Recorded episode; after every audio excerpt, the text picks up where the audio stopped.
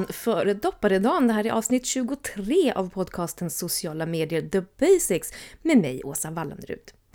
Det här avsnittet kommer bli lite längre för nu ska vi grotta lite i hur 2023 kommer kunna se ut. Och 2023 spås vara ett år av väldigt mycket lågkonjunktur. Det kommer fortsätta. Och man undrar ju då hur man kommer jobba framöver med annonsering och med sociala medier. Och jag undrar lite om inte organisk social kommer att kunna ta över lite då. För då behöver vi inte spendera så himla mycket pengar, utan vi kan jobba mer med, med liksom engagemanget och närvaron och dialogerna, diskussionerna och bygga upp det här organiska. Det är i alla fall vad jag drömmer om, för då kan jag komma in och briljera. Vi kan börja att dyka in lite i Twitter, för här händer det ju saker. Ni kan omöjligt ha missat det här. Elon Musk köpte Twitter och började med att sparka halva styrkan och det började ju... det började gunga helt enkelt. Eh, Twitter blev väldigt, väldigt märkligt. Men det som också hände var att fler gav sig in i Twitter och gick tillbaka till Twitter för att se vad är det som händer. Han gjorde en massa saker som att man ska betala för att ha sin blåa checkmark vid namnet. Han körde nyligen en eh, liten röstning om man tyckte att han skulle vara kvar som VD eller inte, vilket han såklart förlorade. Men enligt experterna så var ju han inte menad att vara VD. Det var liksom inte tänkt att han skulle sitta där under en lång, längre tid. Och det här kanske var någonting som han gjorde bara för att ja, få ännu mer media helt enkelt. Man vet dock inte vem som troligtvis skulle kunna ta över den posten. Men han har ett nätverk av män som eh, skulle potentiellt kunna ta över den här rollen. Men det här med Twitter fortsätter ju. De eh, har ju nu hotat med att eh, man ska till exempel banna och ta bort folk som delar länkar till andra sociala medier. Det här är så konstigt. Att stänga av folk för att de länkar till någonting på Instagram eller på Facebook eller någonting. Eh, tipset tydligen är enligt de som spår trenderna att man ska helt enkelt ta bort länkar, länkar som hänvisar till exempel i sin bio, att man tar bort det. Eh, tydligen ska man också passa sig för att använda Linktree. Det blir också tyvärr någonting som de vill banna. Så ja, det här blir lite märkligt och det ska bli intressant att se hur Twitter tar sig an.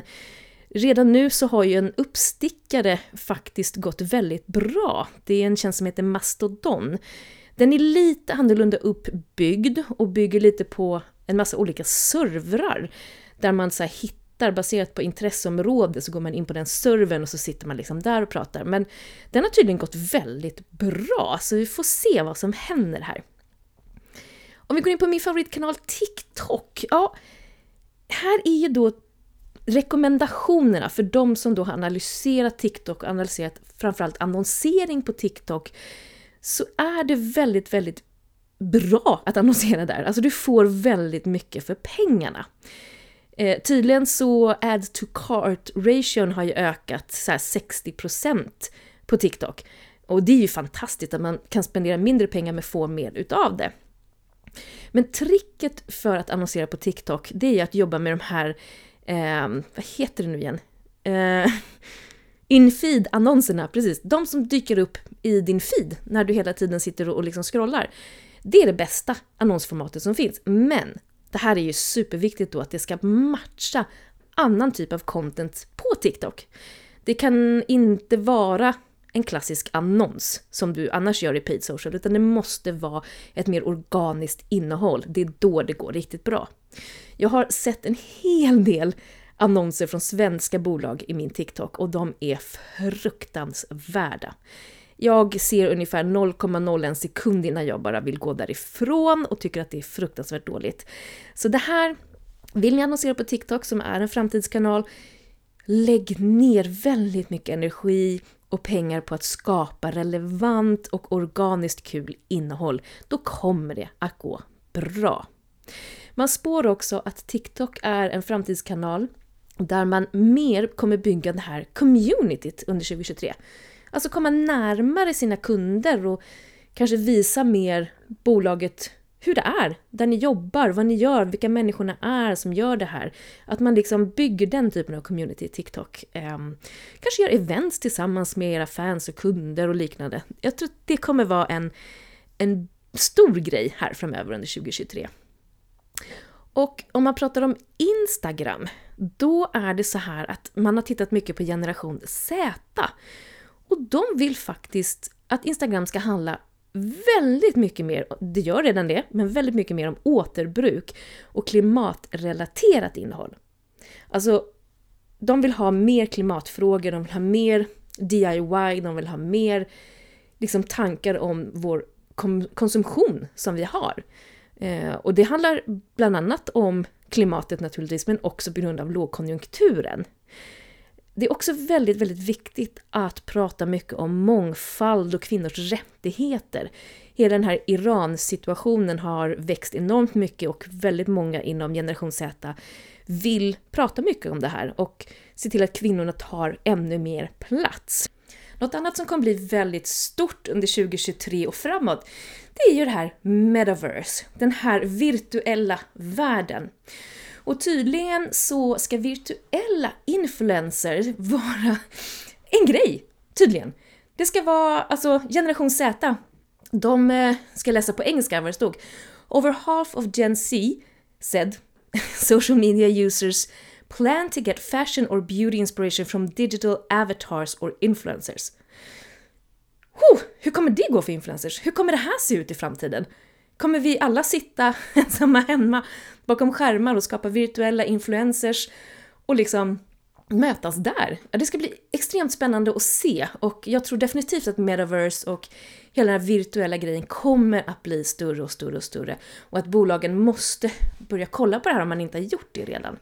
Jag tror att det är en väldigt viktig grej att ta med sig och eh, läsa på och jag har sett att det finns jag tror kortare kurser eh, och säkert lite webinars och annat på de här ämnena som kan vara otroligt viktiga att ta till sig för att bli en spelare i den här branschen framöver.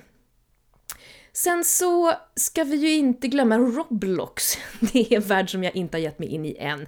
Det är här de små barnen hänger idag. Jag har en åttaårig systerson som visade mig Roblox häromdagen och eh, det händer ju väldigt mycket här också. Eh, och mm, de är ju kanske inte konsumenter av saker än, men de kommer att bli och jag tror att vi behöver lära oss Roblox bara för att fatta vad det är. För att de blir så småningom tillräckligt stora för att bli konsumenter. Så bara kika in på Roblox. Låt någon unge visa dig så kommer du fatta vad det är. Be Real, den har jag pratat om tror jag i tidigare avsnitt. Den här appen som ska vara mot all skönhetshets och piffande och snygghet och filter. Det här är ju en app där man får en notis en gång om dagen, då har man en kort tid på sig att ta en bild och kameran använder då bakkameran och frontkameran för att du ska ta en bild precis där du är och som du är utan en massa skönhetsgrejer, utan smink, utan stylat hår, utan filter. Tydligen så är det här App of the year enligt Apple. Mycket intressant, för jag har inte trott på den här tjänsten överhuvudtaget, men hm, who knows, det kanske blir en thing, jag har ingen aning. Och sen så måste vi också prata om det här med OpenAI. Jag är säker på att ni har hört om det här, att den här OpenAI, den här artificiella intelligensen, kan skapa en massa saker åt oss. Den kan skapa pjäser, den kan skapa konstverk, den kan skapa en, eh, en eh, rapport, den kan skapa en artikel. Det finns, alltså, det finns liksom ingen ände på det här och jag har provat det. Och det är faktiskt riktigt, riktigt vasst.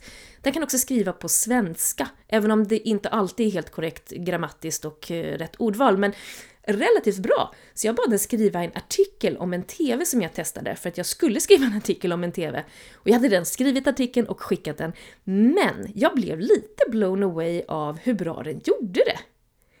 Kan det här bli en risk i framtiden? Att vi inte får någonting som är äkta? Att folk kan fuska sig fram. Det här är ju en litet dilemma som diskuteras väldigt mycket. Eh, jag hörde på radion idag till exempel det här med olika typer av konstverk, att det kan bli coolt att eh, virtuella, eh, artificiella intelligenser skapar konstverk åt oss. Och det kan ju bli en grej och det kan vara kul och det kan vara häftigt och annorlunda. Men man spår då att konstverk skapade av en människa, alltså ett staffli med en panå och någon med en pensel i handen, kommer att bli mer exklusivt och dyrare. Så det kan, ja, det kan vara både på gott och ont. Jag såg också på nyheterna för några veckor sedan om någon som hade bett den här AI att skriva en teaterpjäs eh, och fick ut ett manus och de gjorde den här pjäsen och man fick se någon minut av den och liksom höra dialogen och se hur scenen såg ut och det var bland det roligaste jag har hört. Alltså det var riktigt, riktigt kul. Eh, så det kommer ju finnas mycket positiva saker i det här. Men en annan faktor är till exempel inom skolan. Eh, att barn, unga kan lämna in rapporter skrivna av en AI.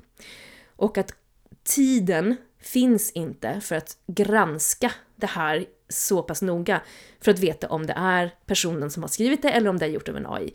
Så det finns en hel del grejer att ta, ja, men att ta koll på. Det här med AI kommer att växa och vi måste se hur vi kommer att hantera det här framöver. Men viktigt att hålla koll på det, viktigt att se vad det är, viktigt att testa det. Jag länkar till OpenAI där ni kan skaffa ett konto och gå in och se hur det funkar.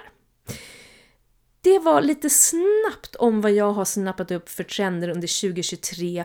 Jag hoppas att vi möts 2023 på något sätt och eh, annars får jag önska er, eller annars, jag får helt enkelt också önska er en god jul och ett gott nytt år.